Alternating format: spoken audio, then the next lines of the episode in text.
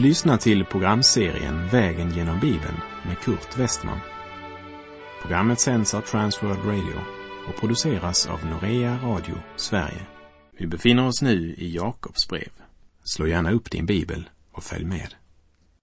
Vi har kommit till den sista vandringsetappen i Jakobs brev. Vi har kommit till kapitel 5 och vers 5. Men för sammanhangets skull så repeterar vi även vers 4. Jakobs brev kapitel 5, verserna 4 och 5. Se den lön ni har undanhållit arbetarna som skördade era åkrar, den ropar. Och skördearbetarnas rop har nått Herren Sebaots öron. Ni har levt i lyx och överflöd på jorden. Ni har gött er på slaktdagen. Själva så levde de i lyx och överflöd, medan deras skördearbetare fick svälta, till och med medan de skördade all denna föda på den rike ägarens marker. Den ogudaktige använde sin rikedom till synd och utsvävningar.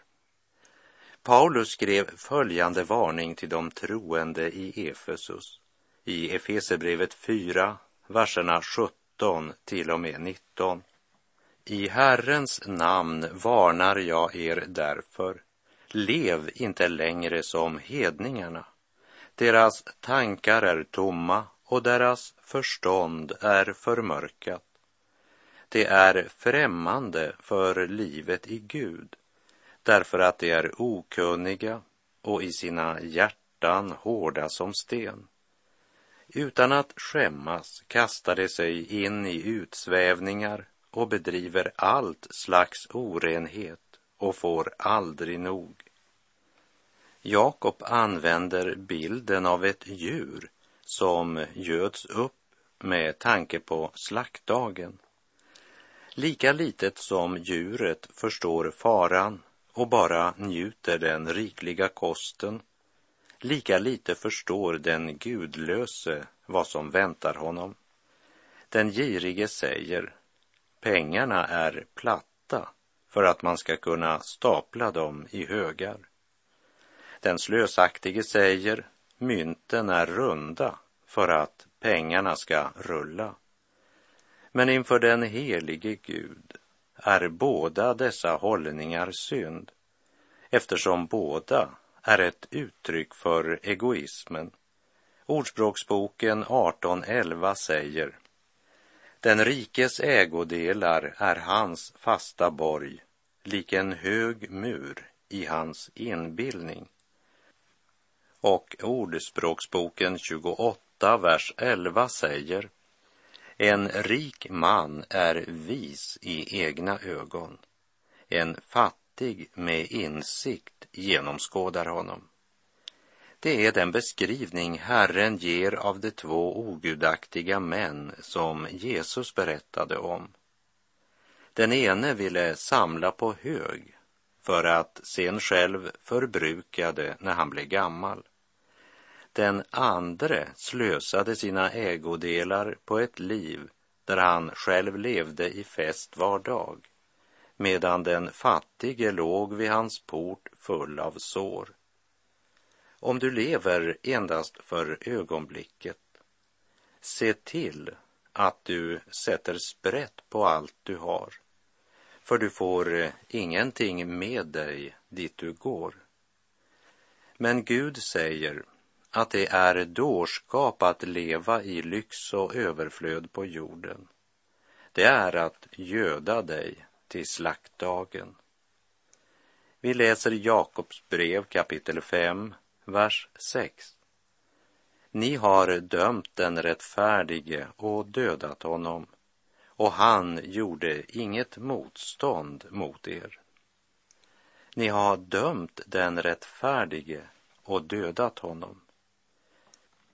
Medan det talas om yttrandefrihet, demokrati och personliga rättigheter så är det i verkligheten friheten att manipulera som väller över oss som en flodvåg.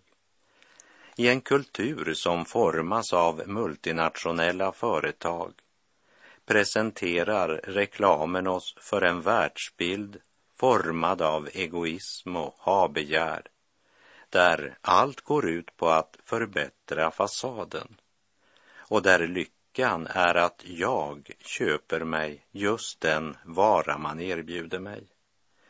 Erbjudande på erbjudande fyller våra postlådor med fyrfärgstryck och presenterar allt detta som man måste ha om vi vill bli lyckliga. Och denna hjärntvätt kallar man för frihet.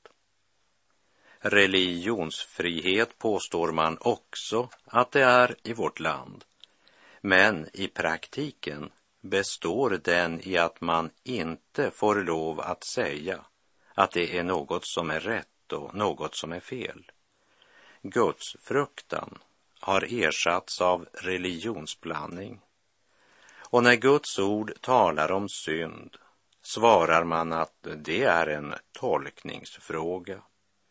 Men eh, det är visst bara när det gäller den allsmäktige evige Gud som var och en får tolka som han vill. Tänk dig att jag parkerat bilen där det är parkeringsförbud. Och när jag kommer tillbaka så står parkeringsvakten och sätter en böteslapp på bilrutan. Och så går jag fram och ger lappen tillbaka och säger att jag tänker inte betala det här, för jag har inte parkerat fel. Ser ni inte skylten?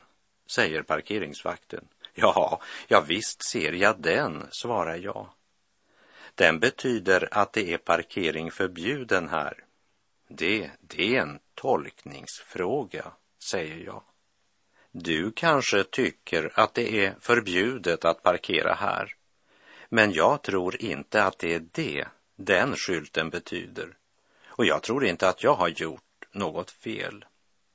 Slipper jag att betala då om jag tolkar förbudsskylten på mitt sätt? Kan jag anmäla parkeringsvakten för diskriminering? När staten kräver en viss procent i skatt av min inkomst, kan jag då säga att det är en tolkningsfråga? Jag har tolkat det så att jag tänker betala hälften. Och om myndigheterna då kräver att jag ska rätta mig efter lagen, kan jag då säga att myndigheterna diskriminerar mig och talar fördömande? Och i en sådan debatt hur många svenskar skulle ställa upp för mig och beundra mig för min frimodighet och kräva att mina meningar blir respekterade. Nej, även en första klassing skulle säga att jag handlat dåraktigt och att jag måste lära mig respektera lagarna. När det kommer till stycket så är det visst bara Gud och hans heliga lag som kan behandlas på det sättet. Vår demokrati kräver att människan ska ha rätt att leva i synd och ändå kallas Guds barn. Man måste ju få vara som man är. Men det säger inte Guds ord. Guds ord säger omvänd dig. Hos profeten Jesaja kapitel 55, verserna 6 och 7 läser vi. Sök Herren medan han låter sig finnas. Åkalla honom medan han är nära.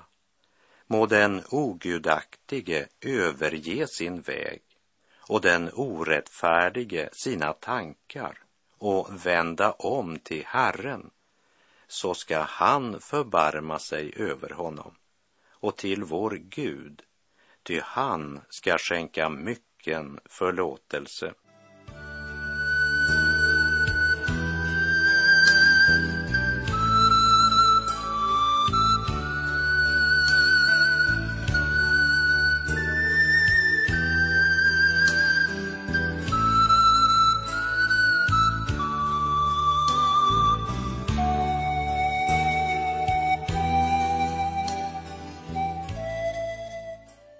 Jakob svingar svärdet med profetisk kraft och presenterar dem för den brutala sanningen att de har dömt den rättfärdige och dödat honom.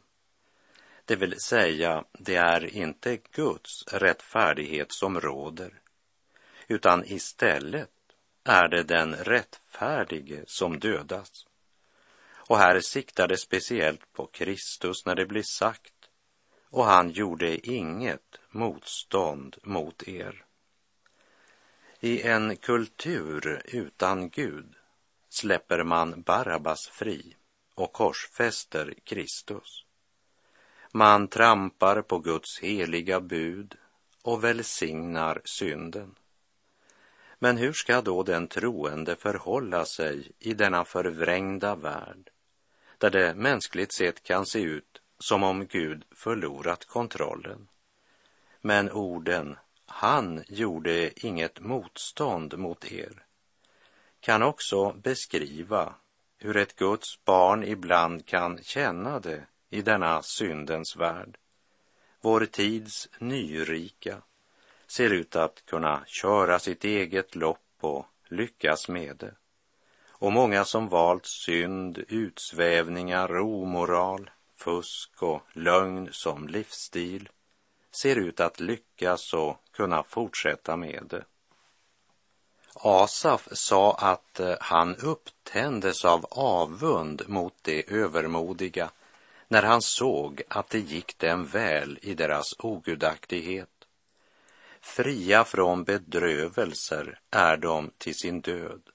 De plågas inte som andra människor, medan han som bevarade sitt hjärta rent blev plågad hela dagen. Det var som om Gud inte gjorde motstånd mot dessa ogudaktiga, och det kunde Asaf inte förstå. Det blev verkligen en anfäktelse för honom, som vi minns ifrån den 73 saltarsalmen. Han höll helt enkelt att komma bort ifrån Gud. Varför? Jo, han erkänner att han avundades det övermodiga att det gick så bra för dem. Han är en gudfruktig människa som önskar inrätta sitt liv efter Guds ord. Men han har verkligen inte medgång, mänskligt sett. Men så läser vi i Saltaren 73, vers 16 och 17. När jag nu tänkte efter för att begripa detta, då syntes det mig alltför svårt, till dess jag gick in i Guds helgedomar och tänkte på deras slut. När Asaf gick till Guds helgedom och deltog i gemenskapen där Gud uppenbarar sig för en människa, då hände något. I första Korinterbrevet 2, vers 9 och 10 står det Men vi känner, som skriften säger, vad ögat inte har sett och örat inte hört och människohjärtat inte kunnat ana vad Gud har berett åt dem som älskar honom. Ty för oss har Gud uppenbarat det genom sin ande. Anden utforskar allt, också djupen i Gud. För oss har Gud uppenbarat det genom sin ande. Asaf fick uppenbarat av Gud både sitt eget liv och det ogudaktigas liv i Guds ords ljus. Och därmed så blev han mera upptagen av resans mål än av vilken standard det var på den vagn han reste i. Och lycklig han far till himlen i sällskap med Gud. Och det är väl detta paradox som ett Guds barn lever under i den värld där de flesta förkastat Gud och valt synden. Och så länge den här tidsåldern varar kommer Guds barn att leva med den problemställningen. Därför vill Jakob göra det klart för sina trossyskon vilken värld det är de lever i. Det är en stor och grym värld som lever efter principen äta eller ätas. Där den som önskar bli rik måste i sitt klättrande på stegen trampa andra både på fingrarna och på tårna för att nå sina mål. Men Guds barn och Jesu Kristi församling kan inte arbeta efter de principerna. Och Guds ord har inte heller lovat oss att världen genom evangeliet ska förvandlas till ett paradis. Pingstbrodern Toralf Gillbrandt från Norge sa följande på ett möte i Norge för många, många år sedan. Kristendomens segrar består i att människor rycks ut från synden och världen genom personlig frälsning. Men att världen som sådan blir förbättrad och utvecklar sig till ett Gudsrike på jorden är en önskedröm som är främmande för Guds ord.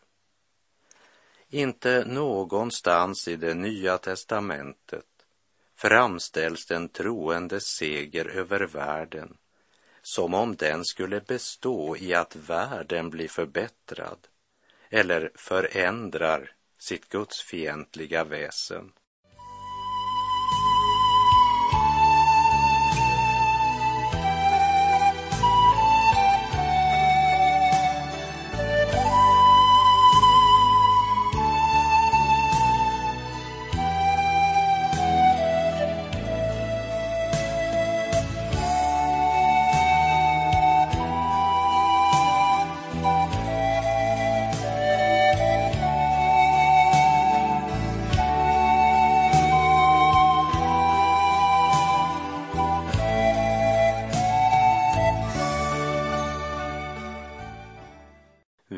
Läser i Jakobs brev kapitel 5, vers 7 och 8.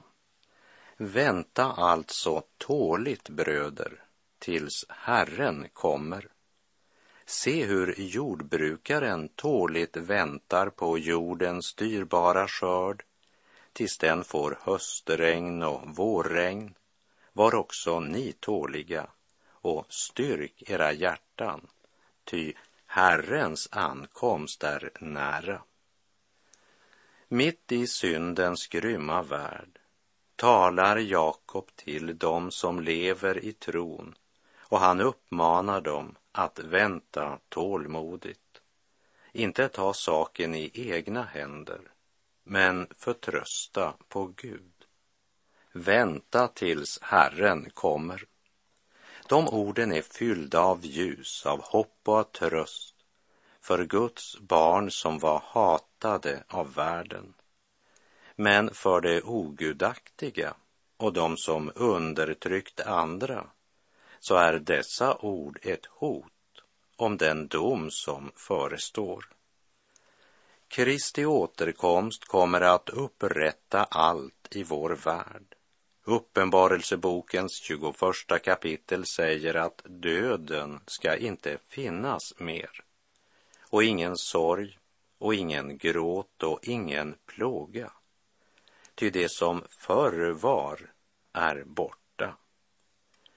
Hoppet om Kristi återkomst styrker den förföljda, tröstar, upprätthåller den undertryckte för alla förföljelser och all nöd som andra har förorsakat dem skall få ett slut.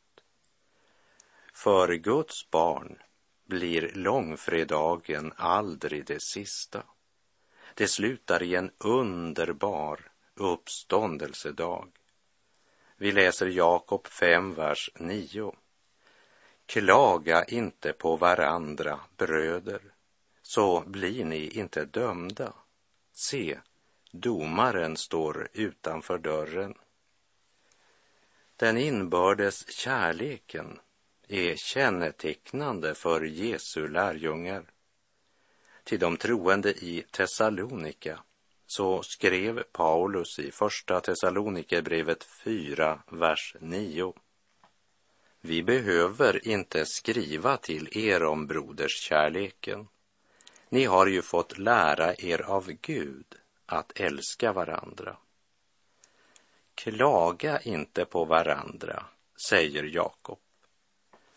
Kristna ska inte hysa agg eller bitterhet mot någon, även om han blir orättvist behandlad, utan betänka att domaren står för dörren och därför bör vi överlåta allt åt honom.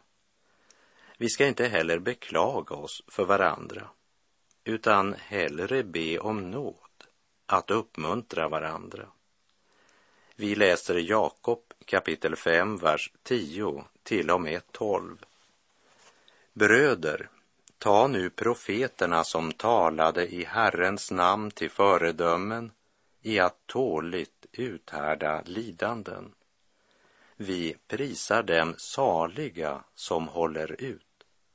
Ni har hört om Jobs uthållighet och sett hur Herren till slut handlade med honom.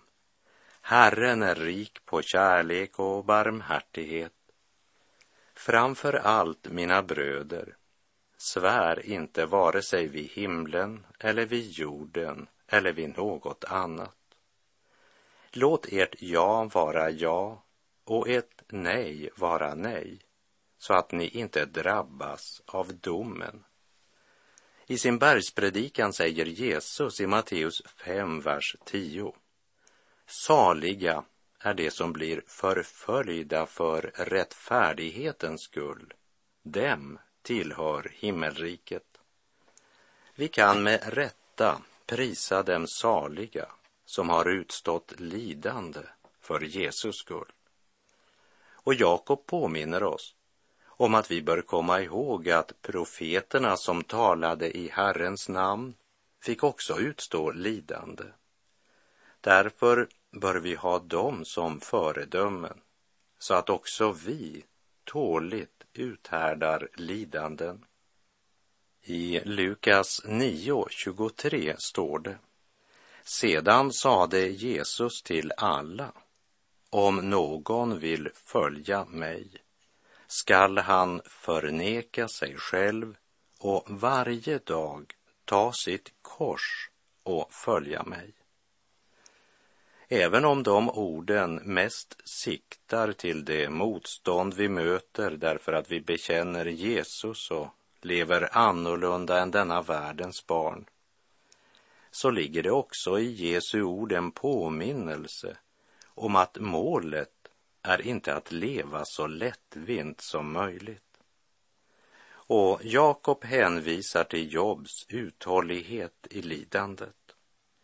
Han låter oss förstå att för den som förblir hos Jesus, även när det kostar att följa honom, för den blir aldrig nöden och lidandet det sista. Gud är trofast. I praktiken handlar det om att tro på Guds ord och tilltal på ett sådant sätt att den tilltron leder till trofasthetens konkreta handlingar som formar våra liv och våra val. Sven Reichman, han säger, för de flesta människor är lyckan en självklarhet medan lidandet är något som måste förklaras. Jobs fromhet visar att det knappt knappast kan ha varit så i hans liv. Och här hänvisar Jakob just till jobb som ett exempel. Därefter går han direkt över till vårt tal, vad vi säger. Man borde kunna lita på vad en Jesu lärjunge säger. Och när vi lider ska vi inte klaga, men bedja. Vi läser Jakobs brev kapitel 5, verserna 13 till och med 16. Får någon av er lida skall han be. Är någon glad skall han sjunga lovsånger. Är någon bland er sjuk ska han kalla på församlingens äldste och det ska be över honom och i Herrens namn smörja honom med olja. Trons bön skall bota den sjuke och Herren skall resa upp honom. Och har han begått synder skall han få förlåtelse för dem. Bekänn alltså era synder för varandra och be för varandra så att ni blir botade. Mycket mäktig och verksam är en rättfärdig människas bön. I det första kapitlet skrev Jakob om någon av er brister i visdom ska han be till Gud som ger åt alla villigt och utan förebråelser och han ska få den. Bön är det första och det sista i Jakobs brev. Han säger att en rättfärdig människas bön är mycket mäktig. Och vem är rättfärdig? Det är den som har fått sina synder renade i Jesu blod och mottagit förlåtelse. Vi läser Jakobs brev kapitel 5, verserna 17 till och med 20. Elia, som också fick lida, bad en bön om att det inte skulle regna. Och det regnade inte på jorden under tre år och sex månader. Och när han sedan bad igen gav himlen regn och jorden bar sin gröda. Mina bröder, om någon bland er kommer bort från sanningen och någon för honom tillbaka, så skall denne veta att den som återför en syndare från hans villoväg frälser hans själ från döden och överskyler många synder. I en annan översättning så står det Elia, som var en människa med samma natur som du och jag, bad en bön att det inte skulle regna. Och det regnade inte på jorden under tre år och sex månader. Och när han bad igen gav himlen regn. Och med det så är vår tid ute för den här gången. Elia var en människa med samma natur som du och jag, säger Guds ord. Låt oss meditera över det tills vi hörs igen. Herren vare med dig. Må hans välsignelse vila över dig. Gud är god.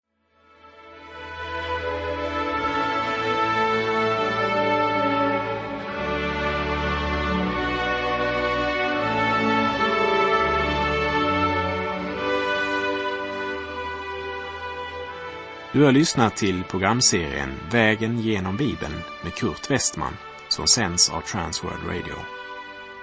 Programserien är producerad av Norea Radio Sverige. Om du önskar mer information om vårt radiomissionsarbete så skriv till Norea Radio Sverige, box 3419 103 68 Stockholm. Adressen är alltså Norea Radio Sverige box 3419. Postnumret 10368 Stockholm.